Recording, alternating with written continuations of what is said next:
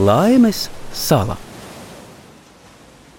Pār jūru, it kā viņas miklās dvašas nests, lielām slapjām pārslām nāca sniegs. Aizvēja pusē uz zvejnieka mazpētera mājiņas jumta, sildīdamās svētvakara dūmos sēdēja divas vārnas. Vārna, ej, vārniņ, vai tev salst? Kad es tā piespiežos pie siltā skursteņa un apsedzu galvu ar spārnu, tad nejūtu ne sniega, ne vēja. Tur apakšā laikam ko labu cep un vāra. Mmm, gardi, gardi! Sniega lēveņi, kas ar krēslu ietina mazo būdu, apdzēsa visas skaņas.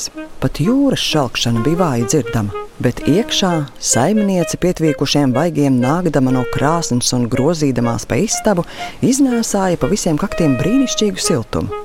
Pie krāsnes bija nosviesti slapji zvejas zābaki. Zvejnieks Maspēters, atlaidis jostu, sēdēja pie galda un savam puikam Ancītim, kas berzējās viņam gar ceļiem, stāstīja pasaku par laimes salu. Tur nevienam nav grūti jāstrādā. Maize ir visos kokos, tur aug lieli kukuļi, balti kukuļi, pasniedz tikai roku. Bet pie maziem zariņiem karājas cukura kliņģerīši, kā sarma ziemā.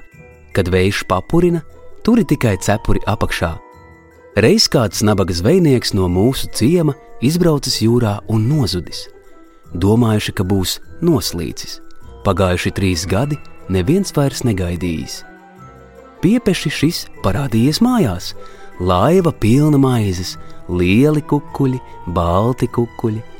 Rokas viņam bijušas baltas kā mācītājam. Visi nopratuši, ka viņš bijis laimes salā. Tikai pastāstīt neko nav varējis. No lielas laimes vīrs kļuvis mēms. Kad zvejnieki ko prasījuši, viņš tikai smaidījis. Bet kamēr tēvs stāstīja, kaķis Mika zem galda vilka ancītim ar asti kā ar spalvu gar kailajām kājām, it kā kaut kur aicinādams. Bet kā var tur aizbraukt?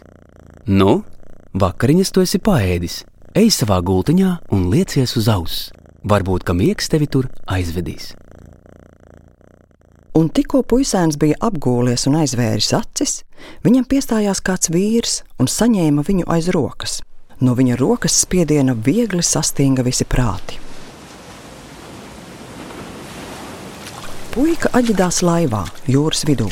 Visapkārt šņāca viļņi. Tikai kaķis Mika no laivas gala viņam pretī draudzīgi izslēja savu kupri. Puikam nu vairs nebija bail. Kaķis rīkojās kā brīnišķīgs stūrmanis. Viļņi atkāpās, jūras klājums kļuva līdzens un spožs. Abi braucēji tuvojās laimes salai. Viņi pieturēja laivu un izkāpa malā. Jā, tur jau stāvēja kāds neredzēts koks nolīkušām pazarēm, pilns sārtu sulīgu augļu, kuri paši sniedzās mutē. Tikko Ancītis gribēja kādu raut, te jūt, ka kaķis vēlēja viņam rasti pa silbiem. Augšā, augšā, nerauj ābolu pazarē. Tad tu izaugsi liels un stiprs, tev piederēs pasaule. Runcis dzina puiku augšā pa koka zariem līdz pašai galotnei. Norāvis ābolu, kas raudzījās pašās debesīs, puisēns pa zariem šļūca lejā un gribēja to apēst koka ēnā. Saulē, nāc saulē, saulē tu būsi ar vienu vesels, un nekas tev nekaitēs. Tālāk iedami tie uzgāja piparkūku mājiņu, kur laipna sirma vecmāmiņa tos baroja ar visādiem gardumiem bet tikko vecmāmoļa kaut kur pagriezās, kaķis uzlēca uz galda, paķēra no bļodas vienu gabalu un ieskrēja aizkrāsnē. Labā mājiņas saimniece par šādu nekaunību Miku izdzina ārā.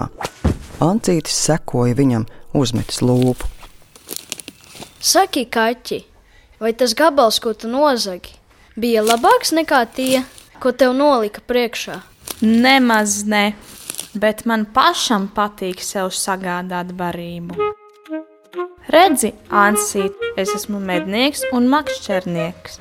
Un, ja es aizmirsīšu savu amatu, tad es beigu beigās nevarēšu sev noķert pat ne aklu pelīti. Bet kāpēc tam mēs braucām uz laimes salu? Varbūt tāpēc, lai redzētu, ka vislabākā ir tā pasaule, kurā dzīvojam.